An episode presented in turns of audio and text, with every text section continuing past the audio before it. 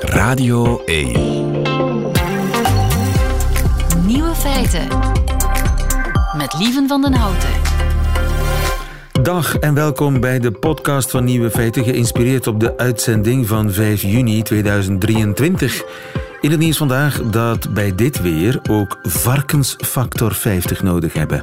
Dat blijkt uit een oproep van kinderboerderij De Baak in Nederland. Doneer restjes zonnecrème voor onze varkens, staat er op Facebook. Hun twee varkens verbranden namelijk regelmatig, ook al hebben ze een parasol en een modderbad. Zeker vleesvarkens, de roze exemplaren zonder veel beharing, die zijn er gevoelig voor. De oproep was een groot succes en binnen enkele dagen werd er genoeg zonnecrème ingezameld voor de komende zonnige weken. De andere nieuwe feiten vandaag. Je wordt sneller wagenziek in een elektrische auto.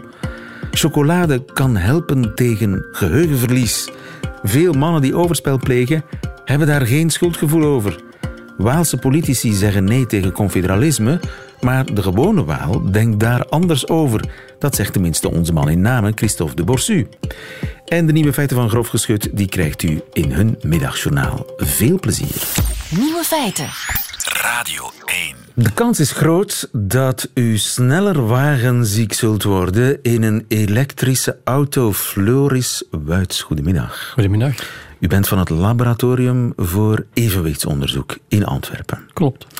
En er is een collega van u, een Franse wetenschapper, een Edmond William, of Edmund William, ik weet niet hoe ik hem moet noemen, in ieder geval, naam niet zo belangrijk, die maakt zich sterk dat de ontwerpers van elektrische wagens één ding vergeten zijn, namelijk wagenziekte. Klopt. Bent u het met hem eens? 100 procent. 100 procent. Absoluut, ja. Dus u denkt ook, ho- hoewel er is nog geen groot onderzoek naar gebeurd, hè, denk ik, naar wagenziekte op zich in elektrische auto's? men begint wakker te worden, Aha. maar het zal nog even duren. Het, het grote probleem met de wagenziekte is eigenlijk dat ehm, ja, die mooie auto's met heel mooie salonnetjes van binnen, eh, die zelf gaan rijden op den duur ook. eh, je zit met je rug tegen de, wagenricht, eh, tegen de rijrichting enzovoort. Dat zijn allemaal factoren die ja, waarschijnlijk de helft van de mensen uiteindelijk gaan doen kotsen. De helft Ja. is veel, hè? Wel, de- 30% van de mensen heeft regelmatig last van wagenziekte. En 30% heeft regelmatig last van wagenziekte. Dat is ook niet min. Nee, niks.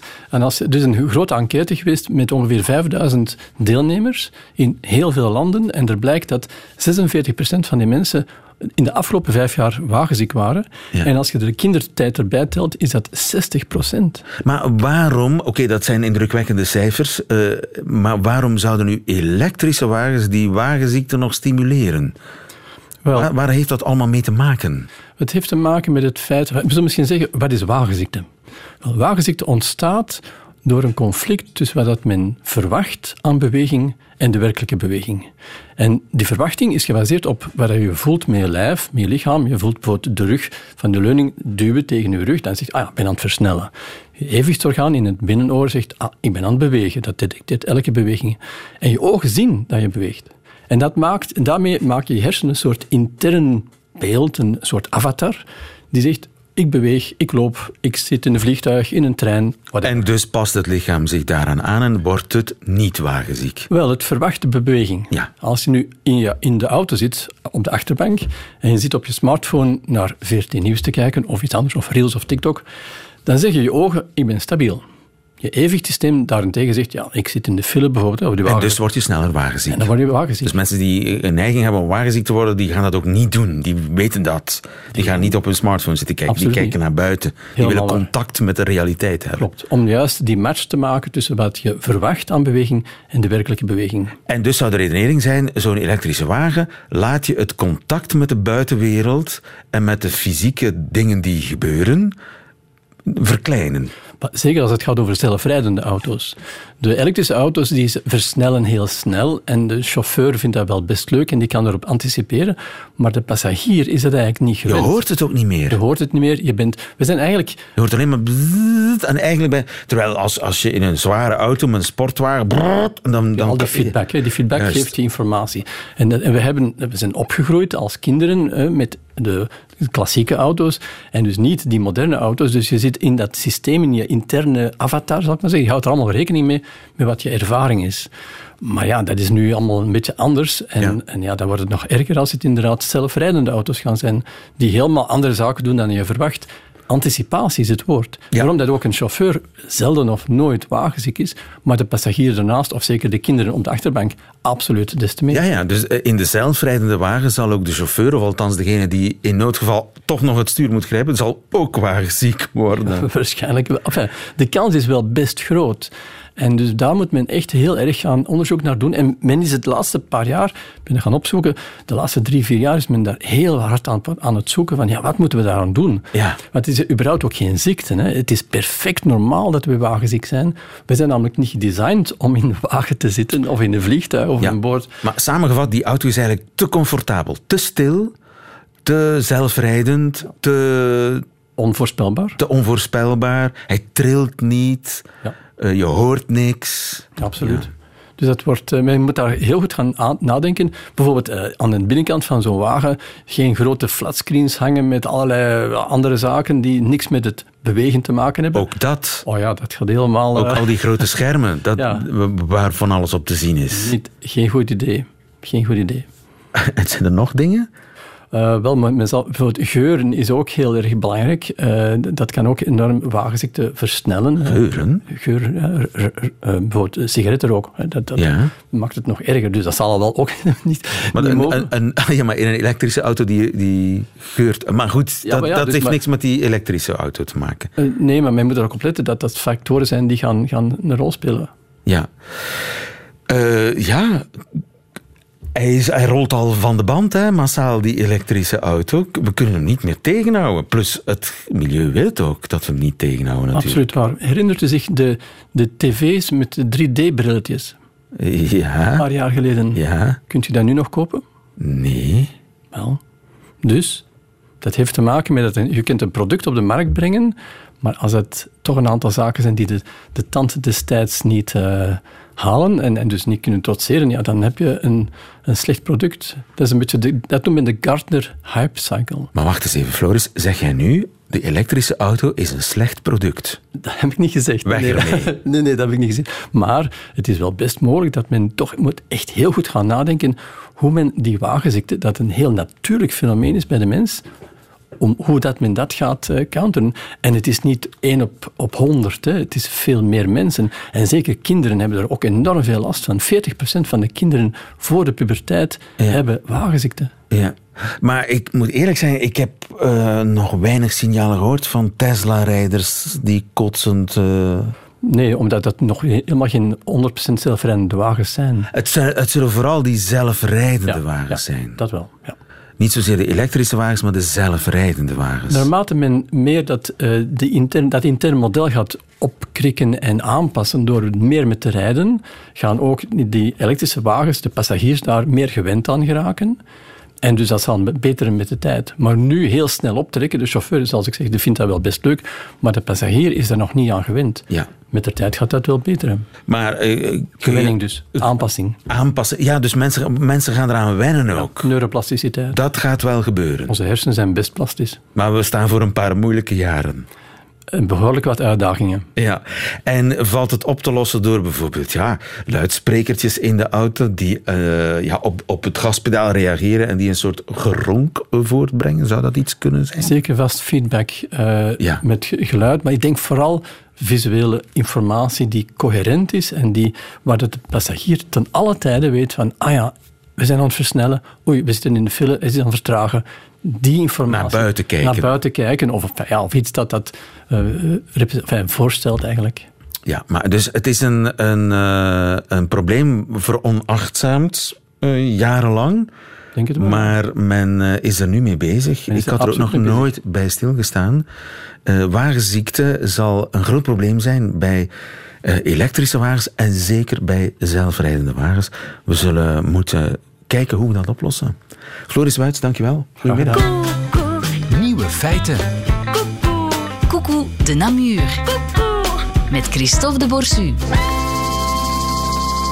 Christophe de Borsu, de Borsu in, niet in zwembroek, maar wel in short, mag ik veronderstellen, in namen Ja, het klopt, lieve. Dat is absoluut zo. Je, je, je ziet mij terwijl je mij niet ziet. Dat is fantastisch. Dus ja, dag lieve. Koekoe uit Namen, de hoofdstad van Wallonië, die vandaag werkelijk in de zon baat. De zomer nadert. En ik heb uh, alvast een fantastische vakantietip voor jou in Namen. Maar eerst ons traditioneel raadsel, lieve. Er is trouwens een link met de vakantietip. Wie zingt dit?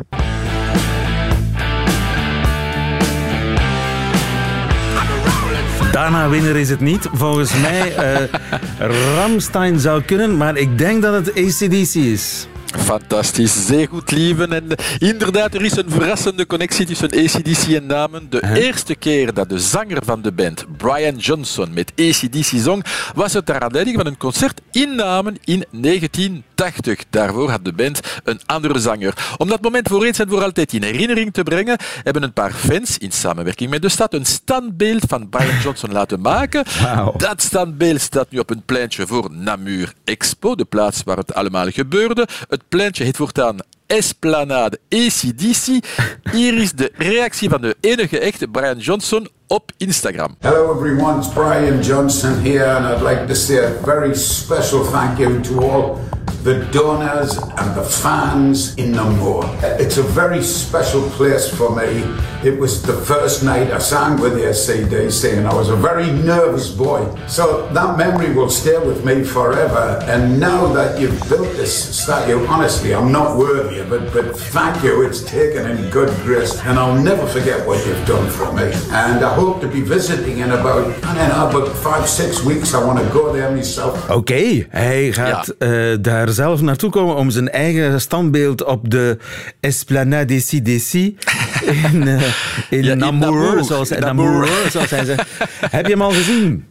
Nee, nee, uiteraard niet. Spijtig genoeg niet. Ik heb zelf de ogen wijd open gehouden, maar we wachten nog altijd. Ofwel is hij onopgemerkt uh, gekomen. Je, je weet maar nooit. Ik hou je op de hoogte. Het standbeeld is in elk geval zeer geslaagd. Ik ben uiteraard gaan zien. Zeker een bedewaard waard voor de fans van ACDC. Je kunt van de gelegenheid gebruik maken om namen te bezoeken, de kabelbaan te nemen. Oh, de en kabelbaan. Brian, ah ja, de kabelbaan. En Brian Johnson op de Citadel proberen te spotten. Het wordt vast en zeker een mooie dag. Uh, zie je het zitten, lieve? In short op de kabelbaan. Ik droom er al weken van. Ik kom af. Maar uh, laten we het even over politiek hebben. Want in Ja, Vlaanderen ja, ja. worstelen de politici met Sandadia en het vonnis Sandadia. Hoe zit dat in Wallonië? Ja, de, de, het grote vraagstuk is confederalisme die Bart de Wever zo graag na uh, 24 zou willen gaan invoeren. En het antwoord van de Waal is zeer simpel, lieven. Nee, No, nada, no way, geen confederalisme. Confederalisme, in een paar woorden, dat is alles voor de deelstaten en bijna niets meer voor federaal België. Hè. Voor België rest er alleen dan de, de staatsschuld, defensie, buitenlandse zaken en de strijd tegen het georganiseerde misdrijf. Niet zeer sexy. No au confederalisme, dus hier is Paul Magnet, voorzitter van de PS. Het was vorige week, hij was in vorm. On verra comment on négocie. Et moi, quand je négocie, je négocie avec des objectifs. J'ai négocié la dernière fois pour augmenter les pensions. Oui, vous étiez on bien fait, entendu avec, lui. Bah, on n'a trouvé absolument aucun accord. Il y a du Ah, respect bon. mutuel, c'est tout, mais on a trouvé, on ne trouvera jamais aucun accord. Et on a. Quand je me suis engagé en 2019, c'était pour augmenter les pensions, c'était pour refinancer oui. la santé, c'était pour réaugmenter. Donc, et tout ça, on NVA, l'a fait. non. Mais Vous dites aujourd'hui non, on non, fera non. tout pour l'éviter parce que c'est un, parti mais- de droite et c'est un parti confédéraliste. Et moi, je ne veux pas mettre fin à la Belgique et je ne veux surtout pas des politiques de droite. Dat is. Ah ja, dat is duidelijk. Dus weg NVA, weg confederalisme, nooit een akkoord daarover. Enfin ja, Uh, maar op straat lijken de mensen meer bereid om toe te geven. Alle mensen, alle mensen die ik, namen, die ik in namen onlangs heb geïnterviewd, bereiden zich nu al voor. Lieven, stel je voor, het confederalisme komt er vroeg of laat, zeggen ze. Misschien zelfs het einde van België. Mais je crois qu'on n'aura pas le choix. Ce sont les Flamands qui vont décider. On va vers euh, une coalition euh, NVA Vlaams, Belang en France, donc en Flandre, donc euh, nous n'aurons pas le choix. We zullen geen keuze hebben, het zal Ja. zo zijn. Er komt een, een coalitie Vlaams Belang en VA, weet deze meneer in namen op straat. En dan is het gebeurd. Ja, lieven, en, en voor de Walen ja, hebben de, de Vlamingen en niet graag, dus ook probleem. La Wallonie qui serait confédérale, bonne chose ou mauvaise chose Bon, on verrait bien. C'est vrai qu'on serait peut-être moins dépendant de la Flandre. Déjà une chose. Ce serait mieux d'être moins dépendant de la Flandre, à votre avis? Disons qu'ils n'aiment pas tellement les Wallons, hein. malheureusement. euh. Oké, helaas houden de Vlamingen niet van Ja. de Walen, zegt deze man. Ja, dat hoor, je, dat hoor je vaak. Dus vandaar het besluit van de, de volgende meneer. Dus hij zegt, ja kijk, laat ons precies naar de onafhankelijkheid van Wallonië gaan. Est-ce que c'est bien pour la Wallonie le confédéralisme? Oui, il faut être indépendant. Oui Ouais, Pour moi, oui. La Wallonie doit être indépendante. Oui, tout à fait, oui. Pourquoi? Bah parce que euh, je vais dire que les Flamands ne nous apprécient pas toujours et donc euh, voilà, donc euh, on fait un petit peu comme eux. Pour moi, en tout cas, j'ai déjà été à la mer et mal reçu parce qu'on était wallon, donc c'est pas toujours agréable. Donc euh, voilà, je- ils préfèrent être indépendants, ben soyons-le aussi. On se débrouillera, on arrivera financièrement? Mais on verra, ça dépend. Si le Parlement dépense moins d'argent, peut-être qu'on va y arriver, quoi. Qu'ils achètent des sièges un peu moins chers et on en sortira. Ja, een, een paar goedkopere stoelen kopen in het Waalse parlement en misschien Ja, raken we ja, er financieel wel uit, eh, onafhankelijk Wallonië. Opvallend maar toch, hoe de, de- eh, kennelijk de mensen op straat zich al voorbereiden op het einde van België. Ja, inderdaad, lieven. En eh, dat was dus die, die stoelen van het Waals parlement, dat was dus een groot schandaal. Die, die waren veel te duur, maar die zijn er dus. eh die is een beetje te laat. En ja, misschien eh, ja, zijn de politici van een andere mening, omdat ja, als je gaat onderhandelen, zeg je best niet op voorhand dat je gaat zwichten. Hè. Dat is ook een tactiek. Wallonië heeft geld nodig om zijn grote schuld te verminderen, geld krijgen en in ruil de Vlamingen het confederalisme gunnen. Dit zou kunnen gebeuren en dus ja, niet te snel zeggen, omdat ja, de enchères stijgen, zoals men zegt. Dus ja, eh, de onderhandelingspositie beter is als je het niet op voorhand zegt. Ah, maar ja. zover zijn we nog niet.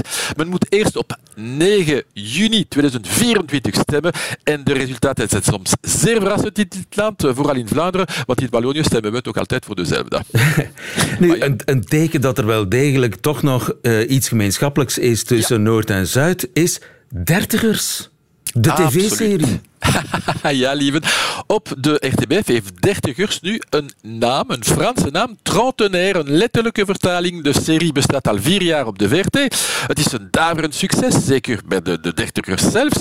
Mensen die, het, die over het algemeen minder naar tv kijken. Daarom heeft de Franstalige, Franstalige openbare omroep een remake besteld die veel succes boekt met Waals acteurs, dus met het scenario eh, van de Vlaamse serie. Hier is wat het geeft. Qu'est-ce que tu fous Peut-être qu'on pourrait reprendre cette conversation après le week-end. Ah non, mais c'est tout vu en fait. On va pas la reprendre cette conversation. Ses amis passent toujours au premier plan. Bon, et si tu me disais ce qui va vraiment pas Je suis pas sûre que ce soit lui qui soit le père. Ça fait deux semaines que tu me casses les couilles Que tu casses les couilles de tout le monde Ja, Trentenaire, de RTBS-versie van dertigers. Kijk, Ja, ja, ja, en in de Franse versie zijn de voornamen gewijzigd. In plaats van Pieter, Bart en Kim hebben we Luca, Max en Sophie. Je kunt alle afleveringen op RTBF Audio gratis bekijken. Dus ook een vakantietip. Het is juni, het is nu of nooit. Dit was het dus voor Coucou de Namur. Voor dit seizoen heel prettige zomerlieven. Ik hoop dat we elkaar zien. Warme Waalse kussen. Ja, dankjewel. We gaan op eh, Brian eh, Johnson jacht in, eh, in Wallonië. En we gaan naar Trentenaires kijken op de RTBF. Dankjewel, Christophe. En tot binnenkort. Ja, dank je lieve. Nieuwe feiten.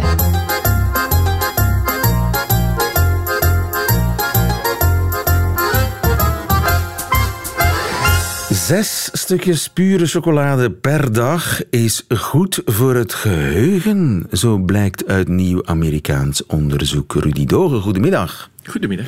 U bent professor bi- biologische psychologie. Biologische psychologie, dat bestaat dus ook. Ja, absoluut. Eh, Kan ik het zo zeggen? A chocolate a day keeps Alzheimer away? Oh, dat is weer al eens wat eh, te kort door de bocht. Hè. Dat had u wel voelen aankomen, denk ik. Hè. Ja. Ja. Maar toch, er is iets van aan. Eh, ja, eh, dus de, een, bepaalde componenten die onder meer in chocolade zitten. Ik moet wel zeggen onder meer, hè, want ze zitten in veel gezonde voeding. Ja, of goed, chocolade nu gezonde voeding is, kunnen we nog bediscuteren. Maar, maar alleszins, het zijn eh, componenten, chemische componenten, die eh, al lang zijn voorgesteld als heel uh, ja, heilzaam voor de hersenfunctie, zal ik ah, maar ja. zeggen. En hoe heten die componenten? Wel- kan, is dat een, een simpele naam? Kan ik dat onthouden? Kan ik, dat uitspreken? Eh, ja, flavonoïden. Flavonoïden. Ja, flavo verwijst naar geel, omdat veel van die componenten in planten voorkomen en ook de kleur aan bepaalde planten en bloemen geven. Dat is een hele grote groep van eh, chemische producten, waaronder onder meer die flavanolen, dat is een subcomponent daarvan, of een subgroep daarvan, eh, die dus ook in chocolade voorkomen, maar ook in eh, rode wijn en in eh, allerlei soorten van fruit en groenten. Flavonoïden. En hebben ze dat nu specifiek onderzocht? Hebben ze mensen chocolade laten eten of flavonoïden laten eten? En Ja. andere mensen geen flavonoïden? Dat klopt. Ze hebben geen chocolade gebruikt, want dat is een complex mengsel natuurlijk, maar ze hebben alleen die flavanolen gebruikt die in chocolade zitten. En dus ze krijgen die mensen een halve gram per dag extra van. Een cacao-extract, zeg maar. Ja, in zekere zin, ja. ja. En wat bleek uit dat onderzoek? Wel, het bleek dat een, een jaar na die behandeling, dat de mensen die, eh, die, die eh, flavo- eh, flavanolen eh, eh, hebben toegediend gekregen, dat die eigenlijk niet zoveel beter presteerden op neuropsychologische testing, maar wel degenen die eh, een dieet hadden waar die eh, componenten te weinig of minder in voorkomen. Dus een, een groep van die personen ging beter, eh, maar niet in het algemeen een heilzaam effect. Dus eigenlijk kunnen we zeggen dat wanneer u een gevarieerde voeding hebt, een gezonde voeding, dat u geen baat gaat hebben van extra flavonoïden. Dus het effect is enkel te zien, het negatieve effect is enkel te zien bij mensen die een lage inname hebben, ook in hun dagelijks dieet, van diezelfde flavonoïden. Ja, ja. dus eh, we kunnen zeggen dat dat wellicht de groep was. Hè. Dus in urine vond men lagere hoeveelheden van die flavonoïden. Eh, maar dat is wellicht een groep die een eh, eenzijdige voeding had. Hè. Want er zijn ook wat vragen gesteld over voeding enzovoort. Die, eh, die hebben wel baat van dit extra ja, ja. supplement. Dus het is niet zo dat je, als je maar massaal van dat soort supplementen slikt, dat je Alzheimer of geheugenverlies zal uitstellen. Nee, wellicht niet. Het past wel in een, eh, in een bredere opvatting dat we rond gezond verouderen. En, en ja, natuurlijk, een van de grote verouderingsziektes van onze hersenen is dan natuurlijk Alzheimer. Dat we daar meer moeten op inzetten. Op eh, op eh, preventie vooral. We hebben eigenlijk geen be- behandeling voor de meeste van die ziekten die gepaard gaan met verouderen. En dus preventie en tolerantieopbouw, zegt men dan, tegen veroudering, is nog altijd veel beter. Ja. En dus, gezonde voeding. Gezond eten, gezond leven, veel bewegen, dat, dat helpt uw hersenen eh, gezond houden. Ja, zeker en vast. Hè. En eh, eh, wellicht zijn bepaalde componenten daarin doorslaggevend. En dat is nu, hè, die nieuwe studie heeft bewezen dat dat wellicht ook die flavanolen zijn. Maar ja, dat is veel breder dan dat natuurlijk. Hè. En allerlei supplementen wegen nog niet op tegen mentaal en fysiek actief blijven. Dus dat is nog altijd een veel belangrijker factor. Ja, en eh, eh, een evenwichtige voeding, dat kun je niet verbeteren met een beetje... Blijkbaar niet, hè, maar dat wisten we ook al. Dat bij de meeste mensen, hè, dus eh, ja, u weet, allerlei winkels ver- verkopen voedingssupplementen en verdienen daar miljarden aan wereldwijd. Maar bij iemand die eh, eigenlijk een, reeds een gezonde, gevarieerde voeding heeft, levert dat heel weinig op. Ja, en het is geen excuus om eh, in de chocolade te duiken. Wel, eh, misschien toch wel, ja. maar dat is dan een persoonlijk... ja. Met, met mate. Ja. Oké, Rudy Dogen, dankjewel. Goedemiddag. Alsjeblieft. Getrouwde mannen van middelbare leeftijd die vreemd gaan, die hebben daar geen spijt van, blijkt uit onderzoek. Rika Ponet, goedemiddag. Goedemiddag. Het is nog geen donderdag, Nee, maar je bent hier bij hoogdringendheid gevraagd. om dat toe te lichten. Om dat toe te lichten, want er is een onderzoek gebeurd in Amerika. Wat hebben die onderzoekers precies uitgezocht? Ze, ze hebben samengewerkt met een website voor mensen die willen vreemd gaan, hè? Ja, Ashley Madison. Ashley Madison. Dat is zo'n beetje de, de Second Love is er ook zo eentje. En een heel degelijk onderzoek Oh ja. ook. Ja, ik heb het eh, goed doorgenomen en eh, ja, het is echt wetenschappelijk onderzoek. Dat, En wat was de, de grote vraag? Ja, wat heeft men met deze studie proberen te achterhalen? Uiteraard binnen een groep die sowieso al op zoek is naar een uh, tweede relatie hè, of naar overspel. Um, heeft men proberen een zicht te krijgen op de psychologische ervaringen en motieven van mensen die een buitenechtelijke relatie zoeken. En waarom? Um, ja, omdat heel stereotyp als het gaat over buitenechtelijke relaties, over tweede relaties, over overspel ja, ik denk wat de doorsnee man of vrouw denkt uh, als er gezegd wordt van ja, die, die is op een ander gegaan, ja, dan is de analyse vaak... Uh, dat huwelijk was niks nee, meer. Voilà, het uh, trekt thuis op niets. Wat blijkt nu? Um, ja, dat we dat veel genuanceerder moeten benaderen. Iets wat ik al veel langer ook in de praktijk vaststel. Um, wat betekent dat? Die, die mannen hebben toch een goed huwelijk.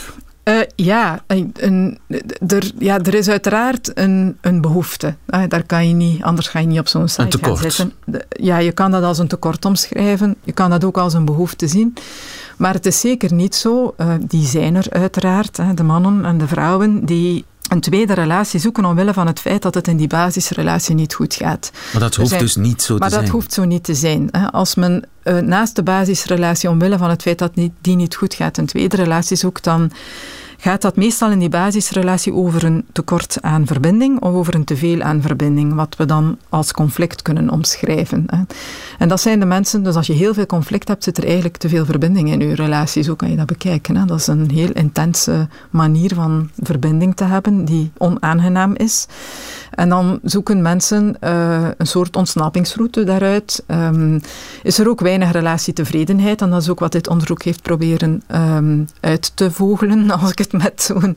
Ja, maar in beide gevallen klinkt dat toch als een probleem. Dat is een probleem. Maar wat hebben zij vastgesteld? Dat dat, een, uh, dat, dat zeker niet de meerderheid is die op die website actief is.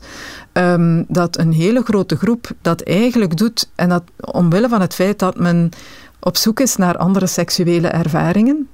Uh, men best tevreden is over de basisrelatie. Uh, men die ook niet in vraag stelt. Men er ook zeker niet uit wil. Men er ook vaak veel in investeert. Uh, heel wat van die mensen geven aan dat ze zelfs in relatietherapie en zo al geweest zijn.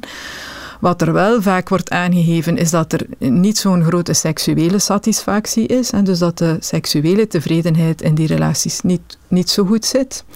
Maar ook bij een aantal um, dat dat wel goed zit, maar uh, men daarnaast toch andere. Um, Zoals je op vakantie wil. Ja, andere, je hebt een leuk huis, je wilt toch op vakantie? Zoiets. andere ervaringen Ja. zoekt. Ja. En uh, ze geven daar een naam aan, namelijk vandaag heet dat socioseksualiteit. Ja. Um, Socioseksualiteit. Vroeger- Sociaal Vroeger werd dat vrijen. Ja, um, vroeger werd dat uh, nogal oordelend of moreel oordelend uh, promiscuïteit genoemd. Dat wil dan zeggen, ja, bon, bij ons hadden ze daar dan andere termen voor. mensen die um, seksualiteit en liefde van elkaar kunnen loskoppelen en dus op een vrij vrije manier um, ja, plezier kunnen beleven aan seksualiteit, los van intieme relaties. Het is eigenlijk een soort, ja... Fun. Ja, een, een, bij, een bijkomend... Een verzetje. Wat, een verzetje, ja. Er zit natuurlijk ook wel een aspect, nogmaals, van um, bevestiging. Uh, het zoeken naar bevestiging. Um, want wat gaven ze ook aan?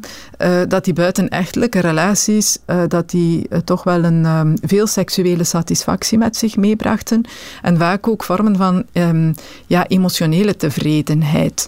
Ja. wat maar ik, ik, vraag, ik, ik vraag me dan altijd af, in welke fase zitten we dan? Want ik Ja. neem aan dat het in het begin allemaal spannend en leuk kan zijn. Maar op den duur kom je in, in een chaos. Want die ander wil misschien meer. Meer, Je partner komt erachter. En ik vraag me af in hoeverre die mannen die op het moment van de ondervraging zo positief waren over hun eh, avontuur. Of dat dat dan nadien zo nog is.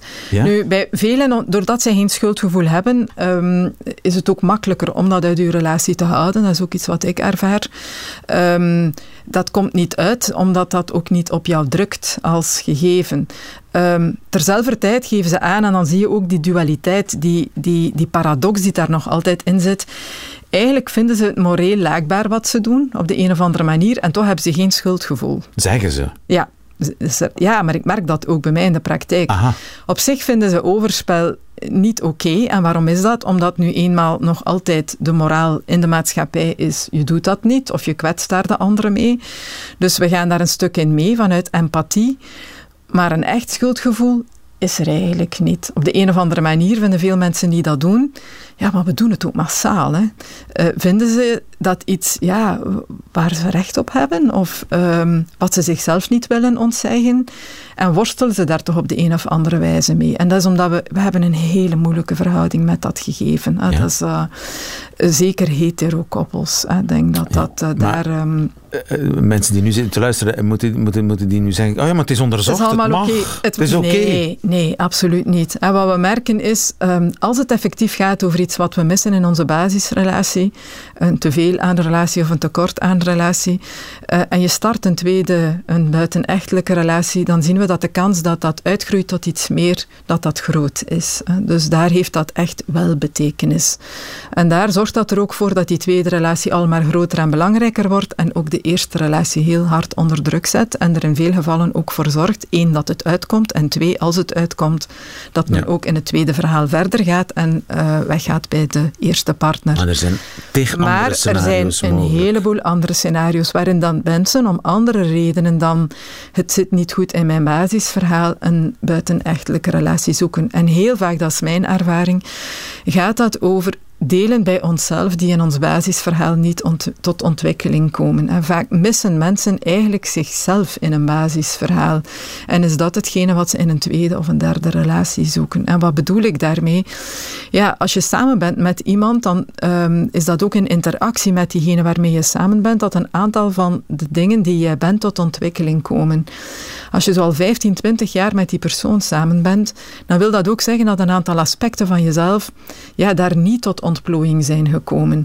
En dat je die aspecten van jezelf ook mist. Hè, of dat je daar het gevoel bij hebt, eigenlijk wil ik daar wat mee doen. Hè. Eh, Ik wil... Is het daarom verstandig om, om dat te doen? Dan die, die, Ehm, die on- onontwikkelde kant te gaan ontwikkelen op, op Ehm, een ander? weet dat dat de deur eh, openzet voor iets en dat je dat vooral ook niet controleert. Ehm, verstandig is dat niet. Rationeel gezien is elke vorm van overspel, als je zeker in dat eerste verhaal wil blijven, enorm risicogedrag. Hè? Want de kans als dat uitkomt dat dat ook het einde betekent van je eerste verhaal is zeer groot. Maar toch doen mensen het massaal. Ja. Dus moeten Maar we ik- als ik- eigenlijk ik daar jou- durven naar kijken. Ja, maar als ik jou hoor, denk ik dat er toch mogelijkheden zijn om, om dat op een verstandige manier te doen. Op een rationele manier, ja. Dus dat je met alle betrokken partijen in openheid... Ah ja, er zijn er. Dat is dan wat men vandaag de. Polyamoristen. Ja, of Geloof de je open, daarin? Of de open relatie. Ja, voor een aantal mensen werkt dat. Maar dat vergt... ehm, Groot boekhoudkundig talent. een groot boekhoudkundig talent en, Emotioneel. en, en emotioneel vooral ook twee mensen die niet al te angstig in het leven staan. Dat zie ik telkens weer. Dat ehm, je moet om kunnen ehm, met het gegeven dat jouw partner eh, niet altijd even beschikbaar is, ehm, emotioneel alles wat op een grotere afstand komt te staan. Er moet veel zelfvertrouwen zijn. Er moet veel vertrouwen zijn in de andere. En eh, een vorm van bereidheid om eh, ja, altijd weer toch met die prikkels, met die triggers van buitenaf, om, eh, om daarmee om. Het vergt veel veerkracht. Daar ben, ik, daar ben ik zeker van. En uiteindelijk gaat het altijd weer over de ultieme vraag. En daar worstelen wij vandaag toch enorm mee hoor. Ehm, wat veroorzaakt het meest lijden in onze relaties? Is dat de beperking van onze vrijheid? Of is dat ehm, ja, het, het, openstellen van die relatie en het toelaten van alles wat vrijheden dan zijn? Hè? Het risico dat de andere ehm, ja, voor altijd bij een ander zal zijn. Hè? Dus de angst voor verlies of eh, de angst voor eh, verlies aan mogelijkheden of de angst voor verlies van de relatie. En dat is een, een heel moeilijk issue. Ik zie dat veel koppels daar vandaag mee worstelen.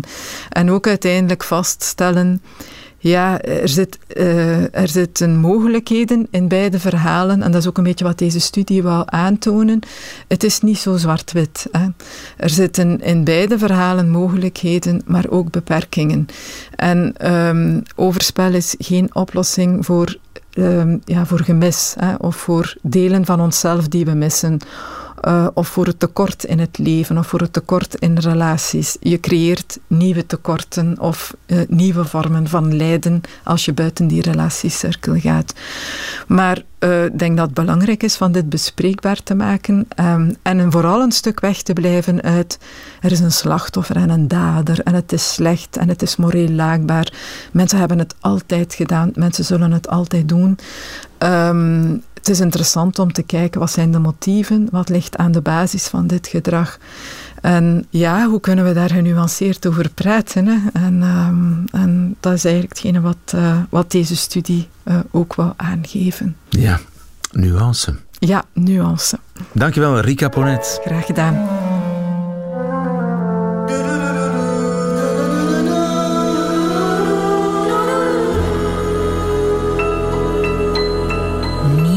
Feiten. Dat waren de nieuwe feiten van 5 juni 2023. Alleen nog die van het Vlaams-Nederlandse cabaretduo Grofgeschut.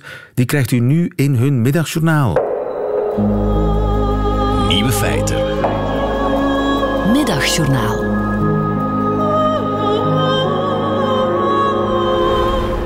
Beste luisteraar, nu hoort Heer hoe kwam dat ik mijn vertrek nam in die rivierenhoven, waar des mi geloven, twaar deze zondag meert. Lander is gisteren naar een middeleeuwse markt geweest. Ik draalde daar lange wielen en de kochter zweert nobiele, maar ene helmbaarde. Hij, hij kocht iets. Een hellebaard. Een hellebaard. Ja, zo'n lange stok met een ijzeren punt, maar ook een bijl en een haak aan. Eigenlijk een soort zeis. Ja, nee, dat werd eerder... Een spies. Nee. Een speer. Ja, nee, echt een hellebaard. Een hellebaard. Dat werd vooral gebruikt om ruiters samen met hun paard ten val te brengen en dan helemaal in stukken te rijden. Oh joh, wat handig. Altijd al willen hebben. Om ruiters te kunnen... Ja, gewoon om te hebben. Juist, natuurlijk. Beste luisteraars, Lander is wat men noemt een nostalgist. Het liefst was hij geboren in de middeleeuwen. Door corona is de markt in Antwerpen al drie jaar niet meer doorgegaan. Dus u kan zich al voorstellen hoe hij stond te stuiteren toen hij erachter kwam dat het eindelijk weer zover was. Lander is serieus de afgelopen week elke dag met een grote omweg door het Rivierenhof naar huis gereden na onze repetities. Om te kijken of er al een nieuwe tent was opgesteld, maar vooral om te kijken waar de veldslag zou plaatsvinden. Ja, het hoogtepunt van de markt is natuurlijk niet de kraampjes met brandewijn of gewoven kuisheidsgordels, maar het moment waarop meer dan 200 reenactors op elkaar in beginnen hakken. Dus gisteren was het zover. Na vier jaar uitkijken liep ik tussen de ridders en de En het was ontnuchterend. Waar ik mij vroeger volledig kon verliezen in die fantasie van even terug in het verleden te staan, was ik nu vooral niet op mijn gemak. Kijk, vier jaar geleden ging ik naar die markt en was ik... Ik was Robin Hood, snapte? Ja, daar was ik bij. Uitgedost in een vilten vest met mijn zwaard aan mijn riem, mijn boog en pijlenkoker op mijn rug. En je wijde broek, zo'n pofbroek, een soort tent waar je een gezin van vijf in kan laten overnachten. En ik vond dat heerlijk toen. Maar nu, ik zag geen ridders meer. Ik zag gewoon Hongaren. Hongaren die hun Red Bull uitkapten in hun houten bierkroes. Er was niks magisch meer aan. Ik kwam erachter dat mijn innerlijke Robin Hood definitief gestorven is. En toch die hellebaard gekocht. Ja, als een teken van waardering voor zij die tot op grijs bebaarde leeftijd hun innerlijke middeleeuwer nog wel kunnen koesteren. En hoe duur was het teken van waardering? 370 euro. Dus, gisteravond ben jij totaal gedesillusioneerd en een stuk armer je bed ingekropen. Ja, en ik heb dan maar Robin Hood, The Prince of Thieves uit 1991 met Kevin Costner opgezet, terwijl ik mijn hellebaard aaide. En hielp dat? Een beetje.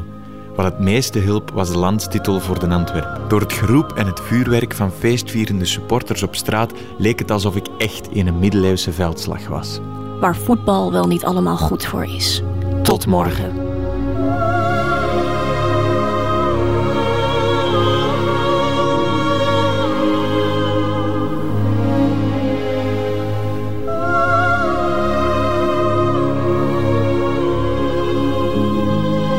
Middagjournaal met grof geschut. Einde van deze podcast. Hoort u liever de volledige uitzending van Nieuwe Feiten? Dat wil zeggen met de muziek erbij. Dat kan natuurlijk elke werkdag tussen 12 en 1 op Radio 1 of on demand via de Radio 1 app. of website. Tot een volgende keer.